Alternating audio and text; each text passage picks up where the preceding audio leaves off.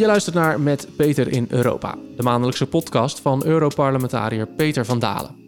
Voor de ChristenUnie zit hij in de christendemocratische EVP-fractie van het Europees Parlement. Elke maand geeft hij een kijkje achter de schermen van dit grote politieke instituut. Aan de hand van de actualiteit bespreken we het reilen en zeilen van de Europese politiek. Dag Peter. Een goedemiddag, zeker. Goed je weer te zien. Dat is wederzijds. Eerst maar eens even die actualiteit erbij pakken. Die is iets minder goed. Um, want topoverleg van de week tussen Biden en Poetin. Er zouden zo'n 100.000 Russische troepen klaarstaan bij de Oekraïnse grens. Om Oekraïne binnen te vallen, misschien wel niet. De, de, de, opinies verschillen nog, maar ben je bang voor oorlog? Zeg het, het is hartstikke spannend. Ik heb afgelopen week eigenlijk de internationale pers op dit punt constant gevolgd. Niemand behalve meneer Poetin weet wat er echt gaat gebeuren. Sommigen denken dat er werkelijk oorlog komt, anderen denken dat het niet zal gebeuren. Maar nogmaals, niemand die het echt weet. Maar als je zoveel mensen en materieel eh, en vliegtuigen en alles wat erbij komt, zo kort aan de grens hebt van een ander land, waar je al een stukje van hebt. Hè? Mhm. Hij heeft al de Krim, hij heeft al de Donbass-regio. Ja, eh, wat gaat er gebeuren? Misschien wil hij wel een corridor maken tussen en de Krim en die Donbass-regio. Ik hoop het natuurlijk niet. Maar het is buitengewoon spannend.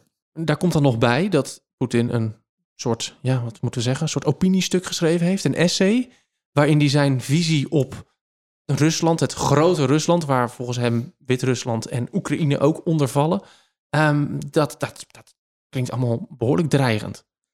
Ja, hij heeft uh, zijn rode lijnen bekendgemaakt. Een daarvan is dat hij niet wil dat Oekraïne lid wordt van de NAVO. En uh, ja, daarmee legt hij dus ook een claim op de regering in de Oekraïne.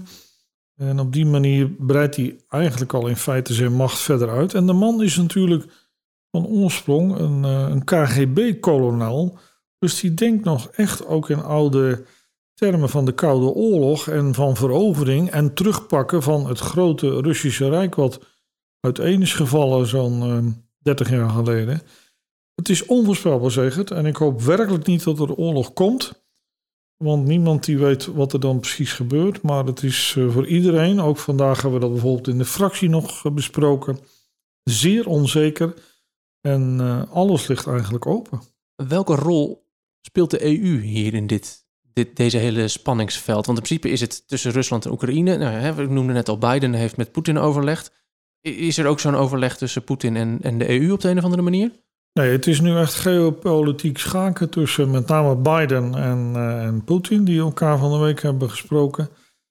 Uh, en Biden heeft gelukkig een duidelijk signaal afgegeven tegen Poetin. Hè, van joh, denk er wel aan, uh, ruk niet op, want dan gaan wij maatregelen treffen. Zonder dat hij duidelijk was wat dat dan precies inhield. De Europese Unie heeft al wel duidelijk laten weten, als er maatregelen genomen gaan worden door Poetin en hij rukt op, ja, dan gaan wij alle instrumenten uit de kast halen die we hebben.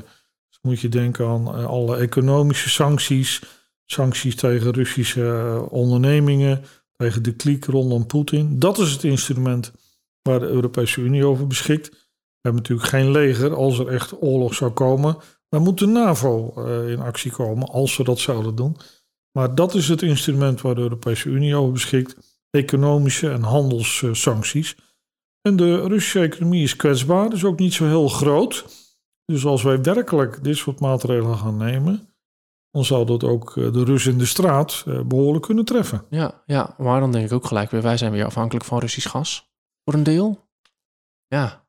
Zeker, dat is zo ongeveer de grootste stommiteit die we ooit hebben begaan.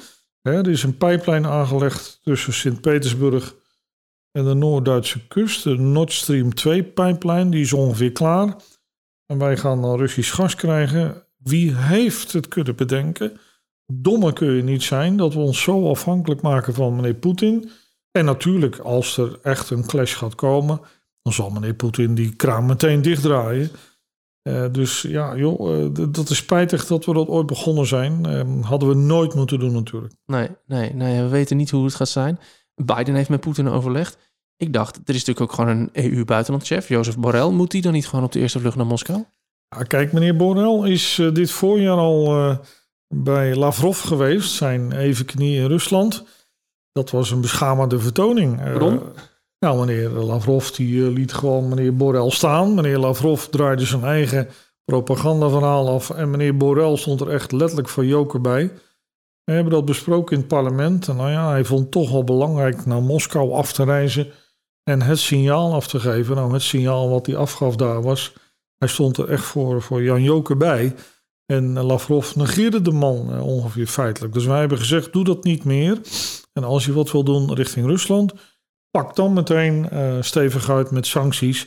Maar ga niet naar Moskou om je daar te laten afdrogen voor de internationale pers. Nee, nou goed, we blijven in Rusland. Nou ja, niet letterlijk, maar figuurlijk deze aflevering. Want we gaan het hebben over de Sakharovprijs. Ja, ik, je jij gaat lachen. Ik zie je gelijk dat je denkt, ja, dit is, dit, eh, dit, ja, dit is wel iets moois, hè? Ja, dat is dit wel mooi. mooi. Ja, ja. nou, even, even, kort, want woensdag 15 december... dan reikt het Europees Parlement de Sakharovprijs uit. En misschien luister je nu en denk je... welke prijs? De Sakharovprijs. We gaan het uitleggen. Hij is in Nederland niet zo bekend, maar daar gaan we dus veranderingen brengen. Want uh, Peter, ja, ik, ik, zie je al lachen. Jij bent heel nauw betrokken bij deze prijs. Ja, nou ja, kijk, in het algemeen, die prijs is niet zo bekend. Wat, wat is het voor een prijs? Die bestaat al sinds 1988. Het is een prijs die het Europees Parlement jaarlijks uh, toekent aan iemand die zich heeft ingezet voor de vrijheid, voor de mensenrechten. Uh, de eerste die die prijs kreeg was Nelson Mandela bijvoorbeeld. En verder hebben we bijvoorbeeld Malala en Kofi Annan uh, die prijs ook gekregen. Uh, dus het is een zeer prestigieuze prijs. Uh, een beetje in de orde grootte eh, van de Nobelprijs. in ieder geval vanuit Europa gezien. En dus echt ook een, een erkenning van iemand die geleden heeft voor zijn of haar werk. En die daarvoor heeft gestreden. Vaak zijn die mensen in de gevangenis geweest of op andere manieren gepest. Dus echt een erkenning voor iemand die zich enorm heeft ingezet voor de mensenrechten. En dat doet het parlement elk jaar met een, ja, een feestelijke, plechtige bijeenkomst die dan wordt gehouden. Uh, met, als het kan, de laureaat, zo heet het dan, aanwezig. Nou, deze keer uh, is Navalny degene die de prijs krijgt. Hij kan zelf helaas niet komen, hij zit in een gevangenenkamp. Maar zijn dochter zal er zijn en zijn rechterhand uh, Leonid Volkov. Je noemt even een aantal van de namen die de prijs gewonnen hebben. En je vergelijkt het met de Nobelprijs. Nou weet ik dat een Nobelprijs, dat is elk, elk jaar een pushmelding van de NOS op de app. De Sakharovprijs niet. Hoe kan dat nou?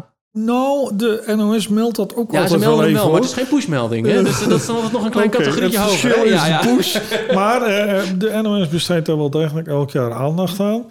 Um, ja, kijk, de Nobelprijs is natuurlijk mondiaal. Uh, waarbij mensen uit alle continenten eh, ook verzamelen in, in Oslo. Bij ons is het ook wel dat iemand vanuit de hele wereld kan worden opgeroepen. Maar is het dan in het Europees Parlement? Heeft iets minder bekendheid.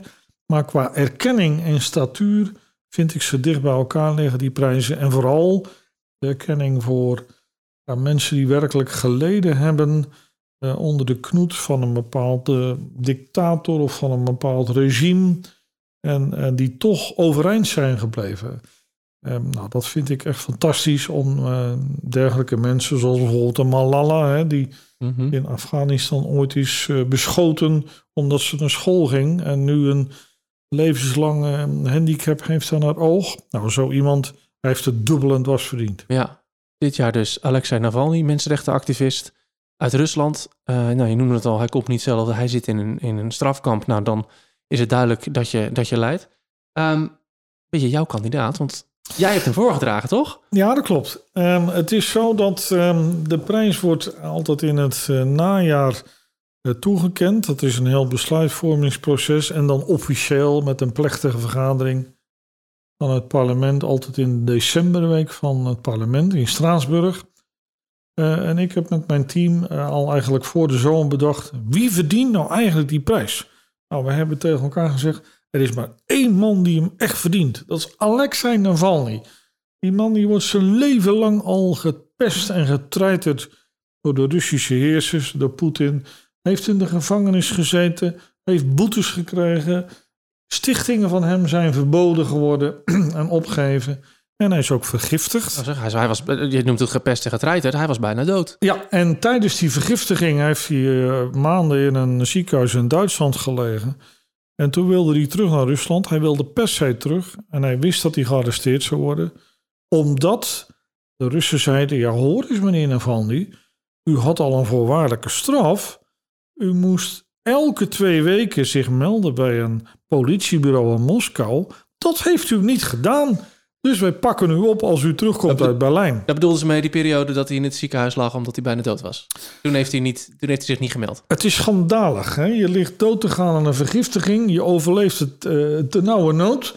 En dan kom je terug en dan zeggen ze: Je hebt je niet gemeld. U kunt nu naar een kamp. Dat is dus het regime van uh, meneer Poetin. Dus wij hebben meteen gezegd: Navalny moet het worden.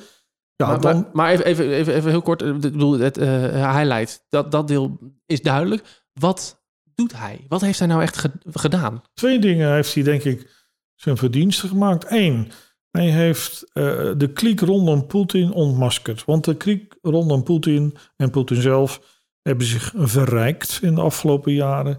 Met geld, met dure uh, panden, met dure gebouwen.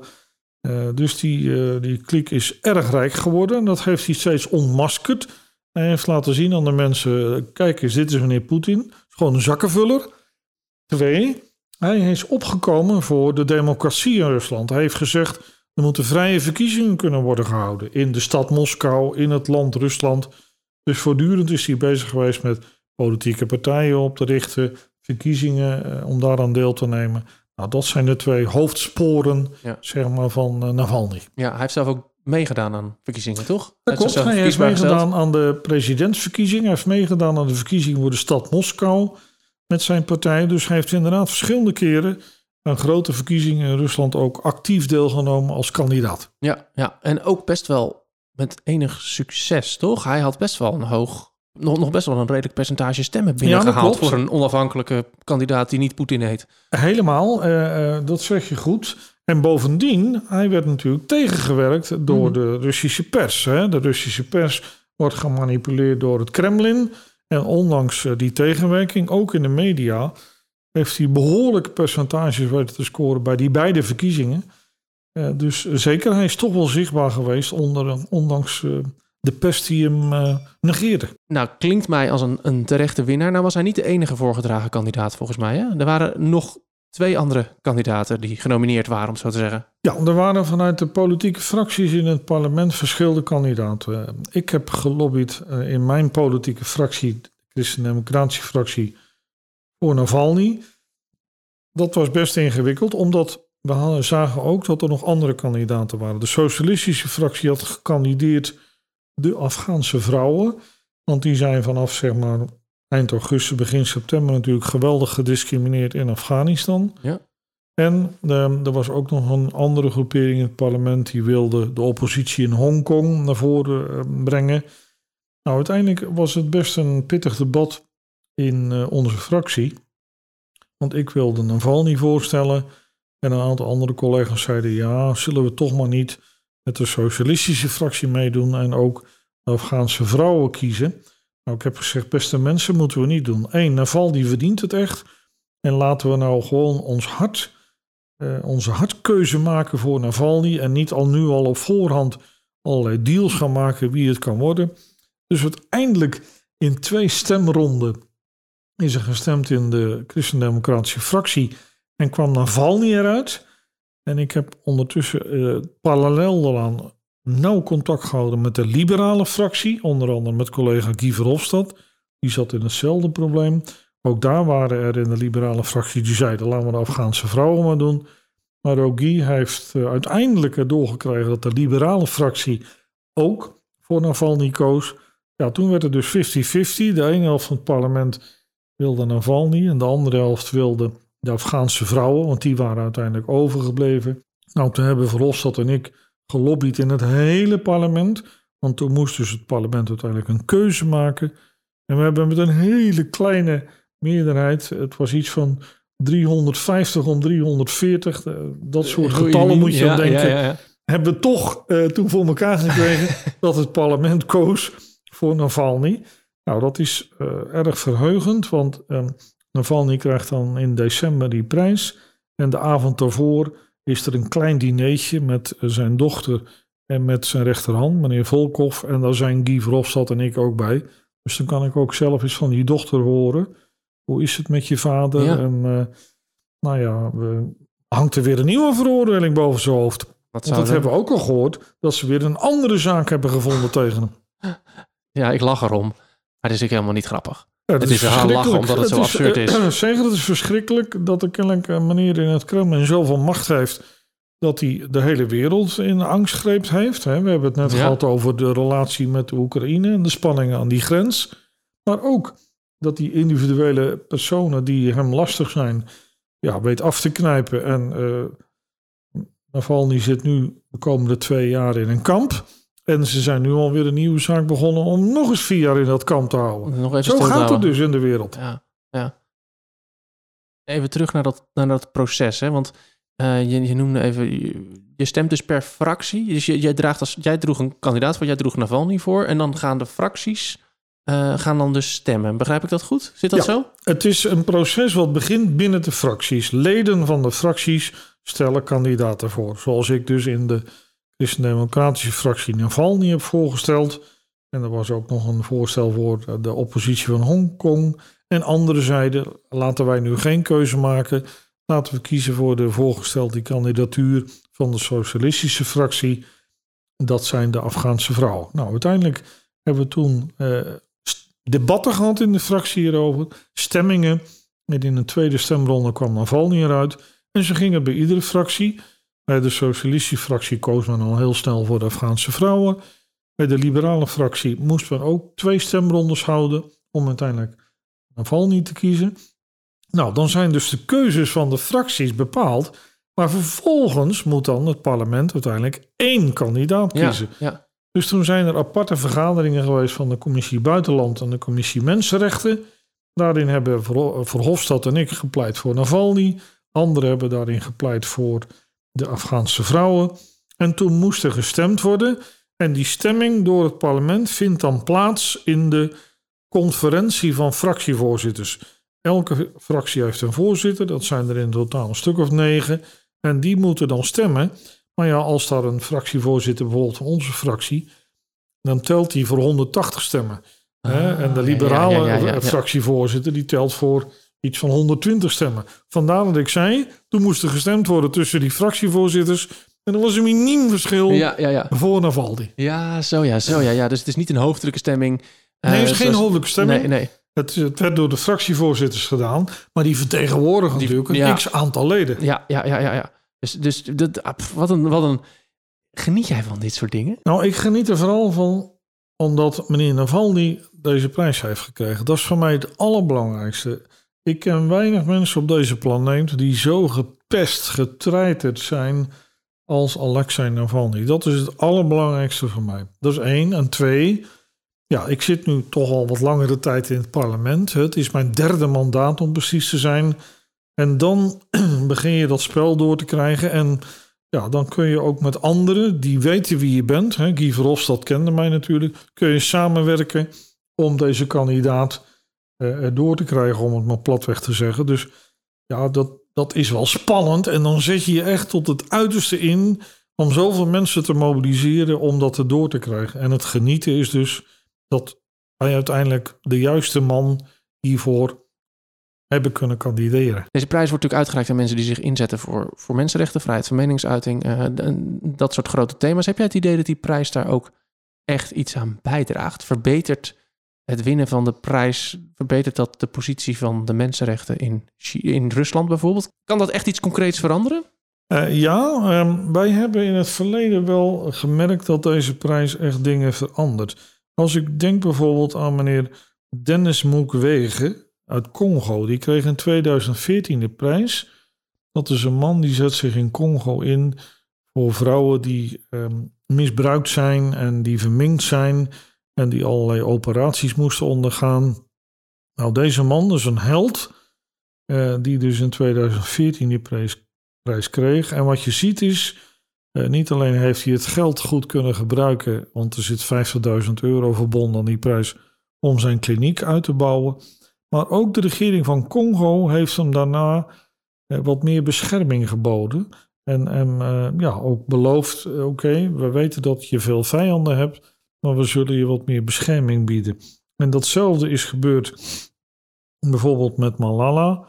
Ook Malala heeft door deze prijs die ze gekregen heeft in 2014 ook ja, gewoon meer internationale zichtbaarheid gekregen.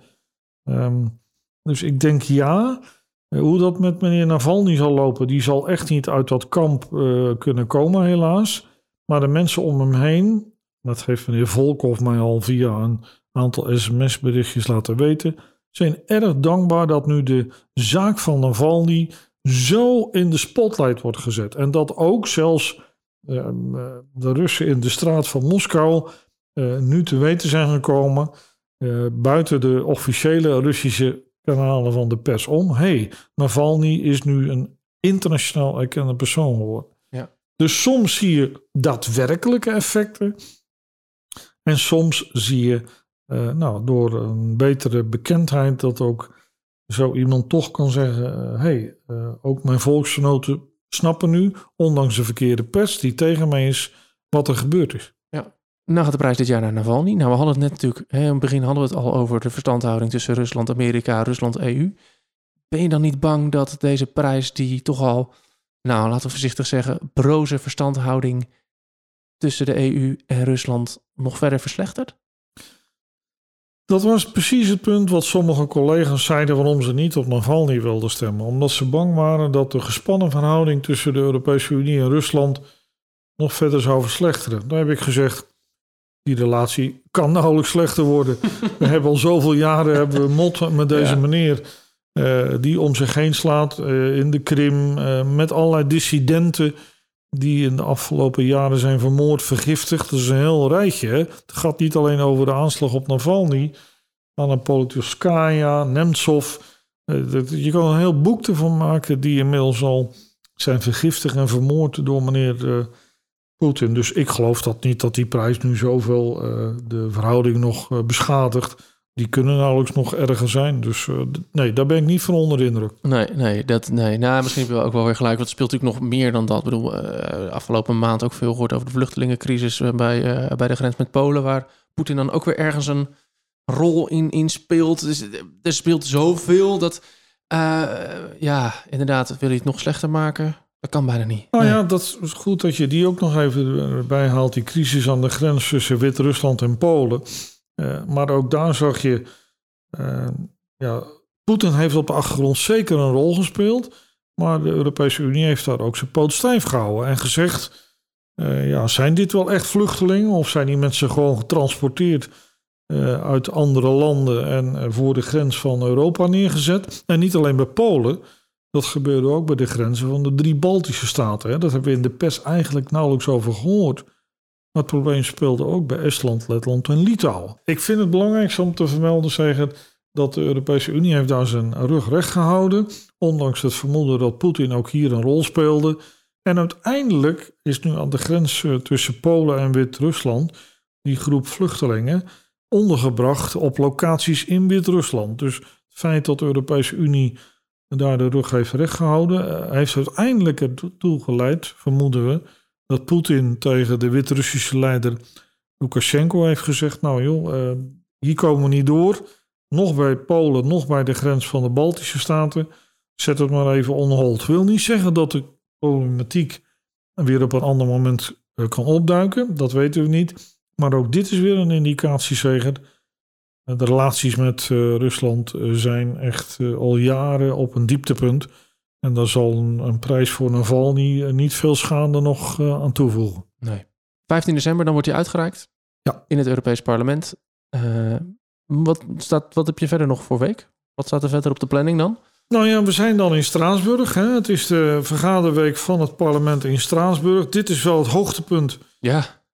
van de vergaderweek in, uh, in Straatsburg.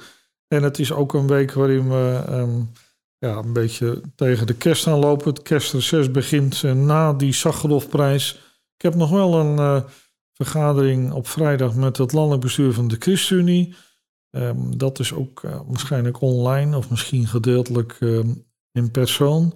En daarna nog één of twee online meetings in de dagen daarna. Maar dan begint het toch wel tegen de kerst te lopen. Dus de Straatsburgweek um, die we nu hebben, ja, dat is echt de laatste volle week voor vergaderingen en debatten. Daarna loopt het af richting de kerst. En dan is het reces en dan mag je even rustig met de benen omhoog Ja, het been op de hoogte ben ik niet zo van. een goed boek over de Amerikaanse maar, burgeroorlog. precies, ik, Ja. ik, heb, ik heb een fantastisch boek over de burgeroorlog aangeschaft via Amazon.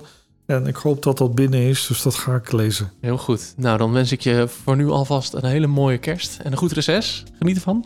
En dan spreken we elkaar over een maand weer. Dankjewel, jij ook alle goeds hè. Dankjewel. Je luisterde naar Met Peter in Europa, een podcast van de ChristenUnie en de EVP-fractie. Mijn naam is Segert van der Linden. Volgende maand maken we dus weer een nieuwe aflevering en daarin gaan we iets nieuws doen. Want natuurlijk heb ik heel veel vragen over het Europees Parlement, maar jij waarschijnlijk ook. Wat heb je nou altijd al eens willen weten over dat grote politieke instituut? Vragen over lobbyen, fracties, alle bijbehorende uitdagingen die daarbij komen, stemmingen, spreken in de plenaire zaal. Eh, al je vragen zijn welkom. Je kunt ze mailen naar eurofractiepodcast.gmail.com, eurofractiepodcast aan elkaar gmail.com of stellen via social media. En dan kun je even de show notes, de tekst bij deze aflevering checken voor de juiste links daar naartoe.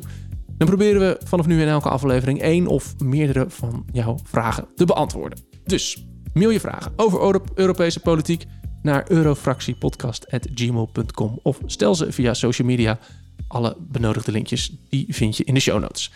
Abonneer je ook even op de podcast hè, in je favoriete podcast app. Dan verschijnt de nieuwe aflevering met wellicht het antwoord op jouw vraag vanzelf in je feed. Voor nu bedankt voor het luisteren en tot de volgende aflevering.